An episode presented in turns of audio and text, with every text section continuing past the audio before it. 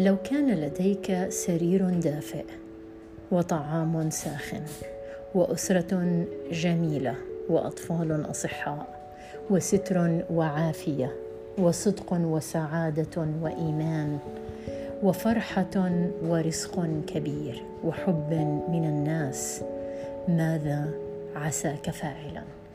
الأولى بك أن تقول شكرا. وأن تحمد الله على نعمه الكثيرة والمتعددة. الأولى بك أن تتذكر هؤلاء الأشخاص الأطفال الذين كانوا يوما في مكانك. لديهم بيوت وحسابات بنكية وأسر وصحة ودفء وسعادة وهناء.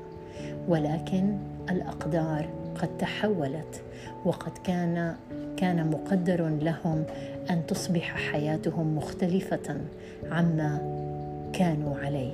تذكر دائما أن الأحوال تتبدل.